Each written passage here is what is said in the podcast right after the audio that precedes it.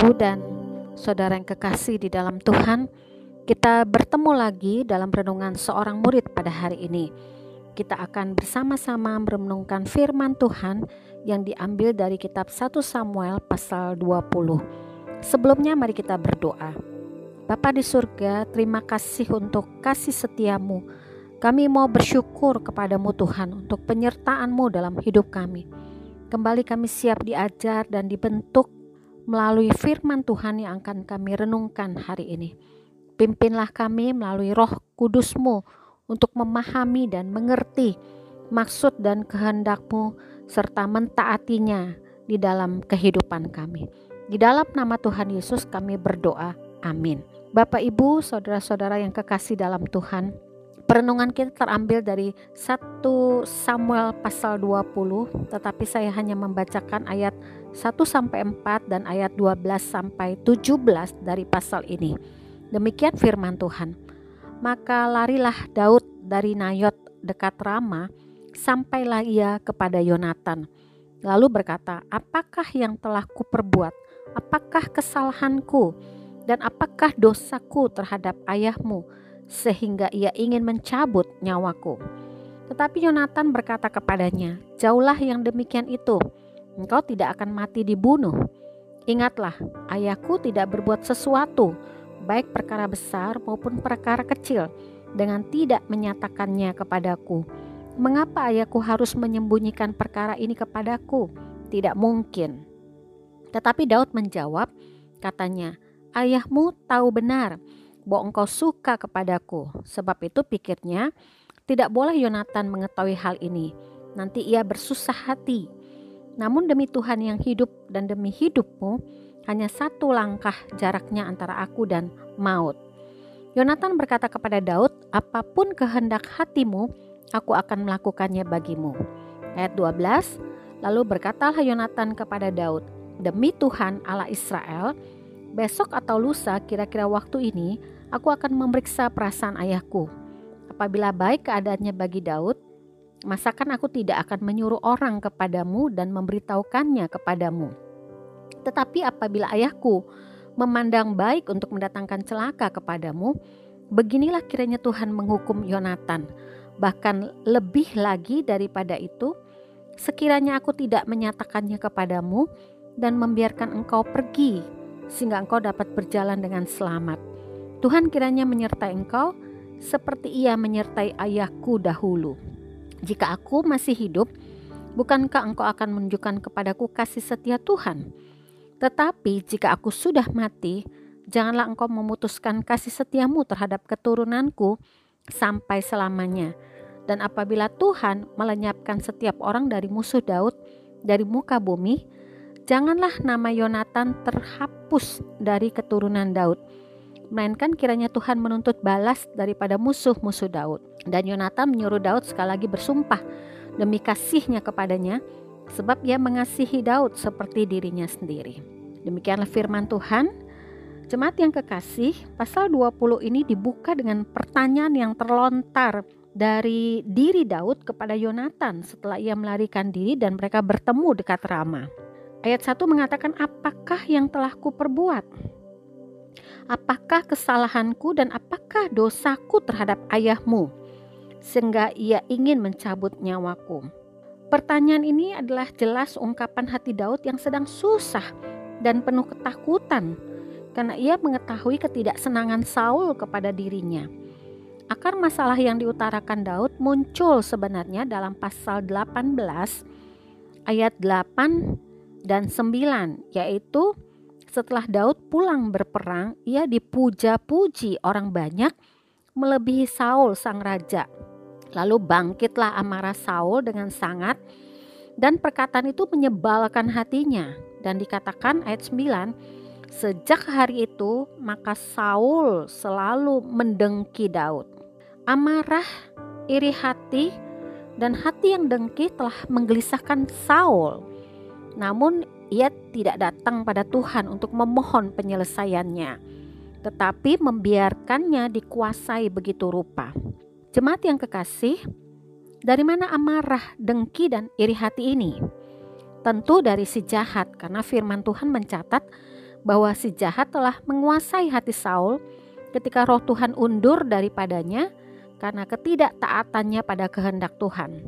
Ketika dosa dan ketidaktaatan pada kehendak Allah menguasai hati kita, maka betapa mudahnya hal-hal dari si jahat masuk dalam diri kita.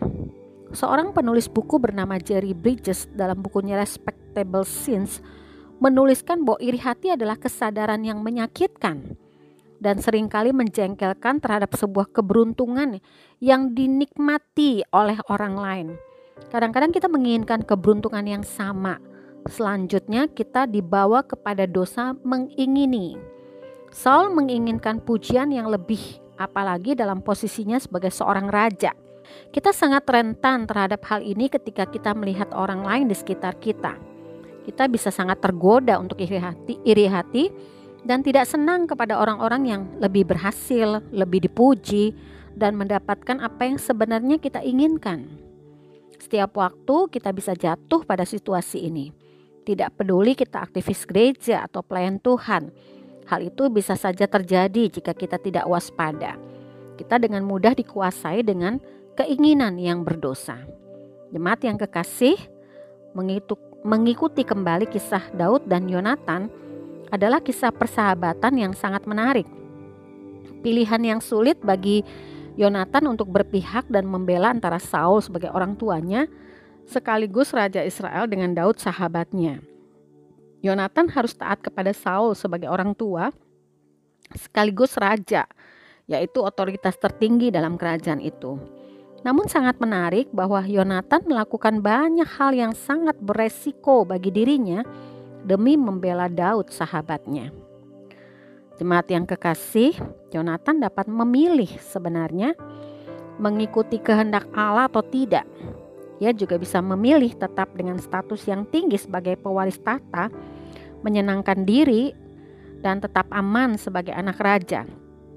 Atau sebaliknya ia memilih terluka karena Saul ditolak Allah menjadi raja dan marah kepada Daud sebagai saingannya. Yonatan juga dapat memilih tidak perlu menunjukkan keberpihakan yang akhirnya membuat ayahnya marah besar padanya bahkan mau membunuhnya. Ia sebenarnya juga tidak punya kewajiban berbuat demikian dengan membela Daud habis-habisan. Tapi Yonatan berdiri di pihak Tuhan dan di pihak Daud. Mengapa Yonatan lebih memilih taat kepada Tuhan? Ada dua alasannya yang akan kita renungkan bersama. Yang pertama, Yonatan dapat melihat kebenaran Allah pada diri Daud. Ia tahu Daud tidak bersalah. Yonatan berada pada sisi yang sangat dilematis, membela orang tua atau sahabatnya.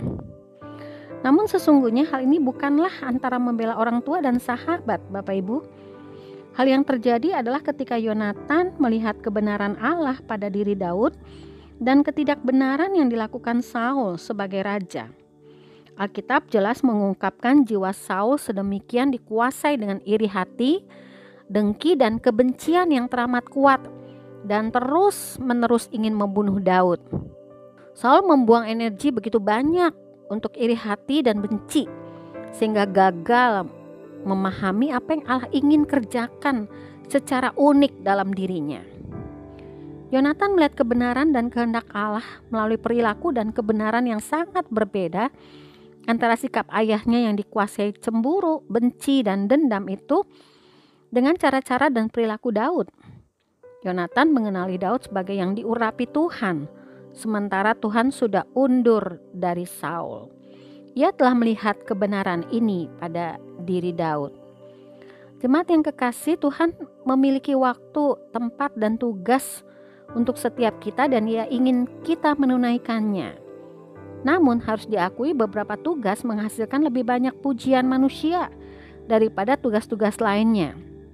Tetapi semuanya itu penting dalam rencana Allah. Ketika kita dapat melibatkan Allah, dengan mengingatkan diri kita bahwa ia harus dihormati, ia harus ditaati. Ada banyak berkat-berkat yang akan dilimpahkannya dalam hidup kita ketika kita melakukan kehendaknya. Namun satu hal memberi kita kesadaran bahwa Tuhan dapat memakai kita atau tidak memakai kita. Dalam bagian ini Alkitab berkali-kali mencatat kata Tuhan menyertai Daud. Dan penyertaan ini kepada Daud begitu jelas dengan memberikan keluputan dari berbagai ancaman pembunuhan Saul dan dalam setiap peperangan yang dihadapinya. Sehingga memang kita pun patut mempercayai akan penyertaan Tuhan dalam hidup kita dengan penuh ketaatan pada kehendaknya. Hal yang kedua, dengan imannya, Yonatan sudah melihat sang raja Israel di depan dia. Yonatan menunjukkan kasih yang tulus terhadap Daud sebagai sahabatnya. Daud akan naik tahta dan menjadi raja yang sedemikian hebat. Bagaimana dengan Yonatan? Tuhan tidak memberikan tahta kepada dia karena ayahnya sudah sangat menyakiti hati Tuhan. Tetapi walaupun demikian, keagungan karakter Yonatan akan tetap membuat dia menjadi salah satu pemimpin perang dengan jiwa yang agung dan tetap diingat di sepanjang sejarah Israel. Kasih Yonatan kepada Daud dinyatakan dengan dukungannya yang tulus dan penuh pengorbanan serta kesiapan membela Daud dengan satu perkataan. Pasal 20 ayat 4 berkata, "Apa pun kehendak hatimu, aku akan melakukannya bagimu." Ini membuktikan dia sahabat sejati bagi Daud. Yonatan tidak memperhitungkan keuntungan apa yang bakal diperolehnya dengan berbuat baik pada Daud.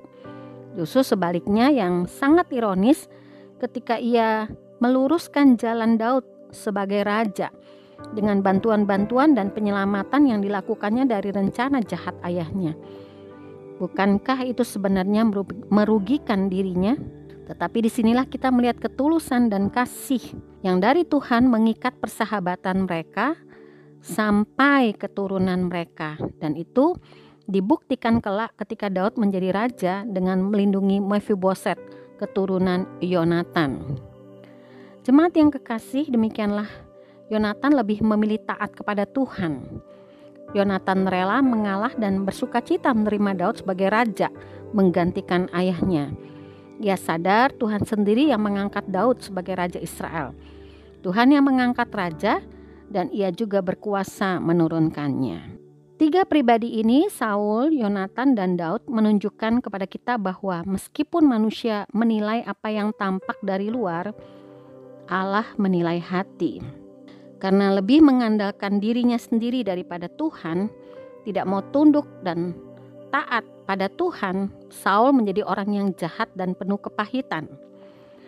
Sedangkan Daud meski kelihatan lemah, jauh dari kesempurnaan, tahu apa artinya mempercayai Tuhan. Yonatan memilih mendukung Daud dan mentaati Tuhan yang telah memilih Daud sebagai raja Israel berikutnya. Mentaati Tuhan terkadang sulit dan menjadikan Tuhan nomor satu dalam hidup kita sering membuat kita rugi, tidak populer, dan bisa menderita. Namun, itulah yang Tuhan minta. Bapak Ibu yang kekasih dalam Tuhan, siapkah kita melakukannya? Lebih mentaati Tuhan daripada segalanya. Mari kita mohon kekuatan dan penyertaannya bagi kita semua. Mari kita berdoa. Tuhan, terima kasih Tolong kami semua belajar mentaati dan mengikuti Engkau dengan benar. Jangan biarkan kami melangkah pada jalan kami sendiri. Kuatkan dan teguhkanlah iman kami untuk memilih taat hanya kepadamu di tengah lingkungan kami yang sering kali mudah membawa kami jauh dari Tuhan. Kami mempercayakan diri kami sepenuhnya padamu Tuhan. Demikian juga seluruh aktivitas dan tanggung jawab kami hari ini. Kami mohon Tuhan yang memimpin setiap jalan kami. Dalam nama Tuhan Yesus kami berdoa. Amin. Tuhan Yesus memberkati kita sekalian.